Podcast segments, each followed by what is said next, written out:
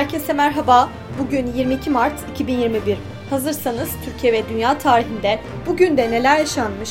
Gelin hep birlikte göz atalım. Dünya tarihinde bugün yaşananlar 1888 İngiltere'de dünya futbolunun en eski futbol organizasyonu olan İngiltere Futbol Ligi kuruldu. 1945 Mısır, Suriye, Lübnan, Ürdün, Suudi Arabistan, Irak ve Yemen Kahire'de Arap Birliği'ni kurdular. 1963 tarihin en iyi 500 albümü arasında gösterilen The Beatles'ın ilk albümü Please Please Me piyasaya sürüldü.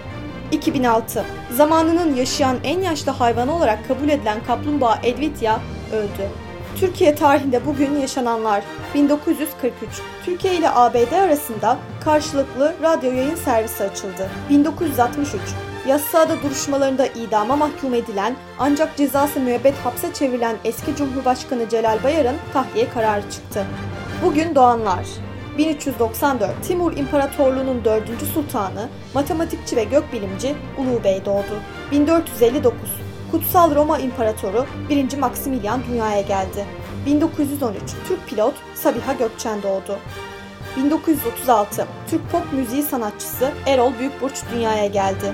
Bugün ölenler 1832 Alman şair ve yazar John Wolfgang von Goethe hayatını kaybetti. 1933 Türk yazar Samiha Ayverdi vefat etti. Bugünkü bültenimizi de burada sonlandırıyoruz. Programımızda tarihte gerçekleşen önemli olayları ele aldık. Yarın da tarihte neler olduğunu merak ediyorsanız bizi dinlemeyi unutmayın. Yarın görüşmek üzere.